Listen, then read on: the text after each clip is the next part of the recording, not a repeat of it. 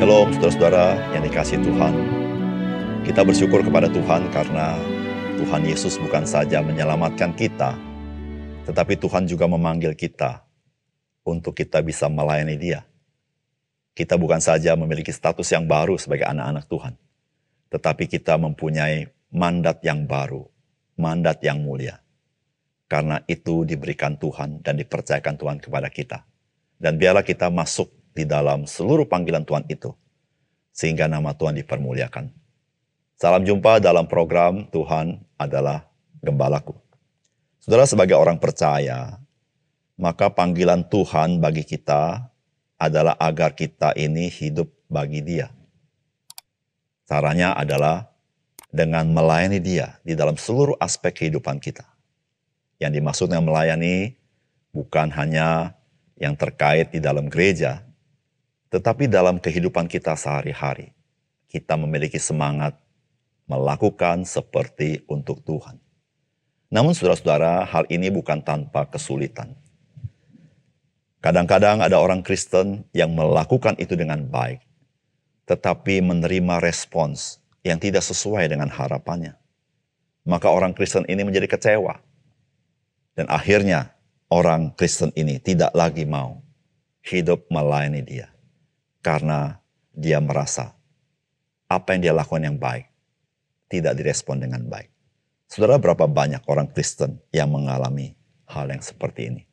Saudara sebenarnya bagaimanakah kita harus memahami makna hidup kita ketika kita hidup bagi Tuhan melayani dia. Sehingga kita tidak menjadi kecewa. Saudara mari kita membaca firman Tuhan dari Lukas pasal 17 ayat 7 sampai 10.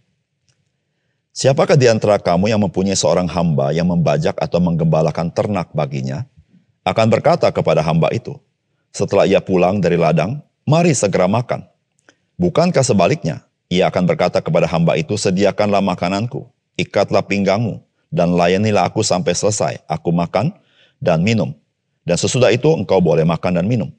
Adakah ia berterima kasih kepada hamba itu? Karena hamba itu telah melakukan apa yang ditugaskan kepadanya. Demikian jugalah kamu, apabila kamu telah melakukan segala sesuatu yang ditugaskan kepadamu, hendaklah kamu berkata, kami adalah hamba-hamba yang tidak berguna. Kami hanya melakukan apa yang kami harus lakukan. Saudara yang dikasih oleh Tuhan, ketika kita memikirkan mengenai relasi demi relasi, maka setiap relasi itu pasti ada kesulitannya.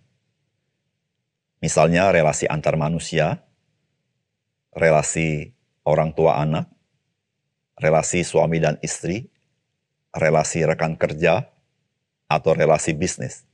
Saudara dalam relasi-relasi itu saudara sering kali ada kesulitan. Termasuk dalam relasi kita dengan Tuhan. Saudara kesulitannya adalah, yaitu bagaimana kita memandang relasi itu.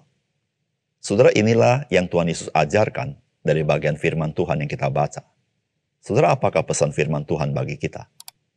Saudara yang pertama, saudara. Saudara pengenalan kita kepada Tuhan, itu membuat kita tahu menempatkan diri kita dalam relasi dengan Tuhan. Saudara Tuhan memberikan sebuah ilustrasi. Dia mengatakan, siapa di antara kamu yang mempunyai seorang hamba yang membajak atau menggembalakan ternak baginya akan berkata kepada hamba itu setelah ia pulang dari ladang, mari segera makan. Bukankah sebaliknya, ia akan berkata kepada hamba itu, sediakanlah makananku, ikatlah pinggangmu, dan layanilah aku sampai selesai aku makan dan minum. Dan sesudah itu, engkau boleh makan dan minum. Adakah ia berterima kasih kepada hamba itu? Karena hamba itu telah melakukan apa yang ditugaskan kepadanya. Saudara, apa yang Yesus katakan ini adalah sebuah kisah yang nyata dari kehidupan manusia, bukan? Namun yang Tuhan maksudkan adalah relasi kita dengan Tuhan. Saudara sering kali kita sebagai manusia di dalam relasi kita dengan Tuhan, kita menurunkan Tuhan begitu rupa Sampai-sampai Tuhan itu sejajar dengan kita. Bahkan ada orang-orang tertentu menaruh Tuhan di bawah dia. Di bawah dia artinya apa yang dia mau Tuhan harus lakukan. Ketika manusia menurunkan Allah sejajar dengan dia, maka sewaktu manusia melakukan sesuatu kepada Allah, maka dia berpikir Allah harus berterima kasih kepada dia. Tetapi saudara, Tuhan Yesus mau memberitahukan kepada kita bahwa Tuhan itu Tuhan yang maha besar. Dia itu jauh lebih tinggi daripada manusia.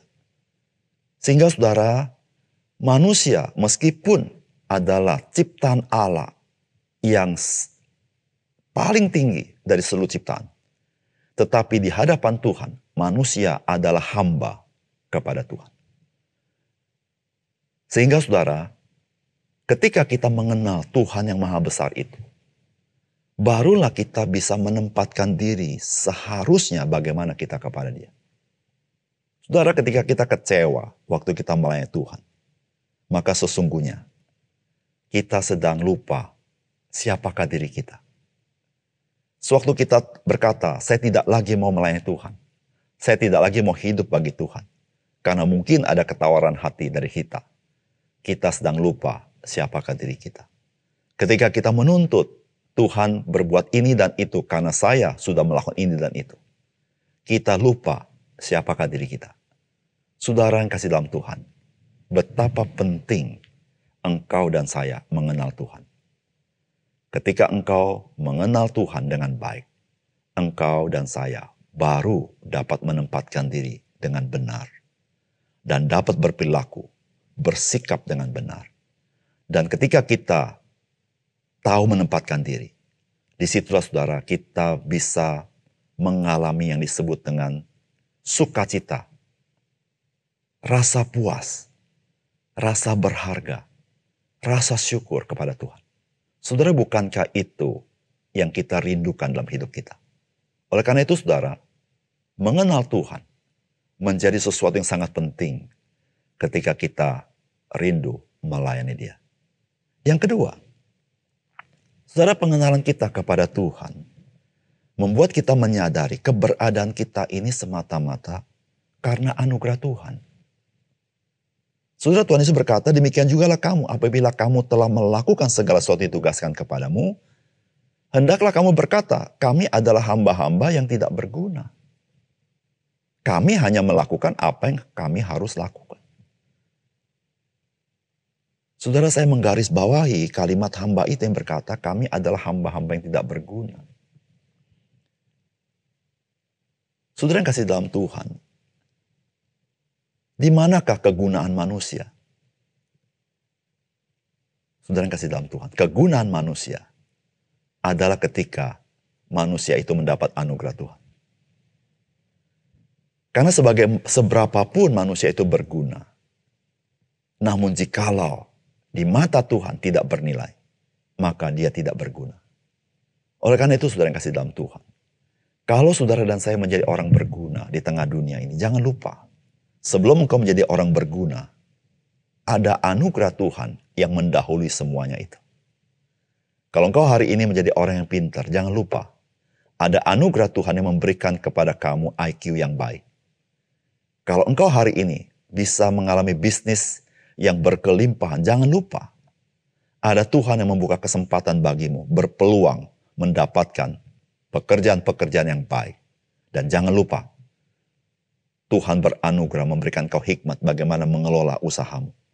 Sudah ada banyak hal dalam hidup kita ini. Jikalau kita menjadi orang berguna, ingatlah, tanpa anugerah Tuhan, kita tidak pernah bisa menjadi orang berguna. Saudara, ketika kita menyadari hal itu, maka sewaktu kita melayani dia, dan kita boleh menjadi berguna di tangan dia.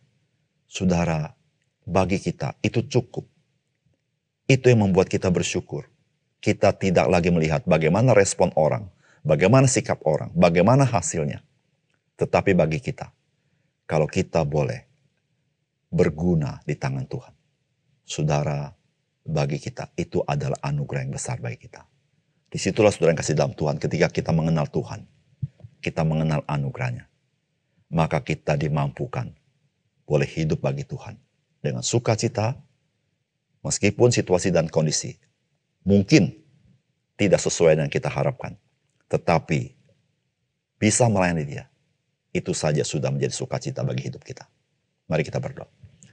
Bapak surga terima kasih untuk kebenaran firman-Mu. Biar Engkau menolong kami mengenal Engkau Sehingga kami tahu menempatkan diri kami di hadapan Tuhan. Kami tidak menjadi sombong atau kami menjadi kecewa, tapi kami tahu ya Tuhan, anugerah Tuhan begitu besar pada kami. Sehingga jikalau kami bisa melayani Engkau, bisa hidup bagi Engkau, ada anugerah Tuhan yang mendahului dan ada anugerah Tuhan yang menyertai dan ada anugerah Tuhan untuk kami bisa menyelesaikan tanggung jawab kami. Tuhan biarlah Engkau memberkati hidup kami, supaya kami juga belajar menjadi berkat bagi orang lain. Dalam nama Tuhan Yesus kami berdoa. Amin.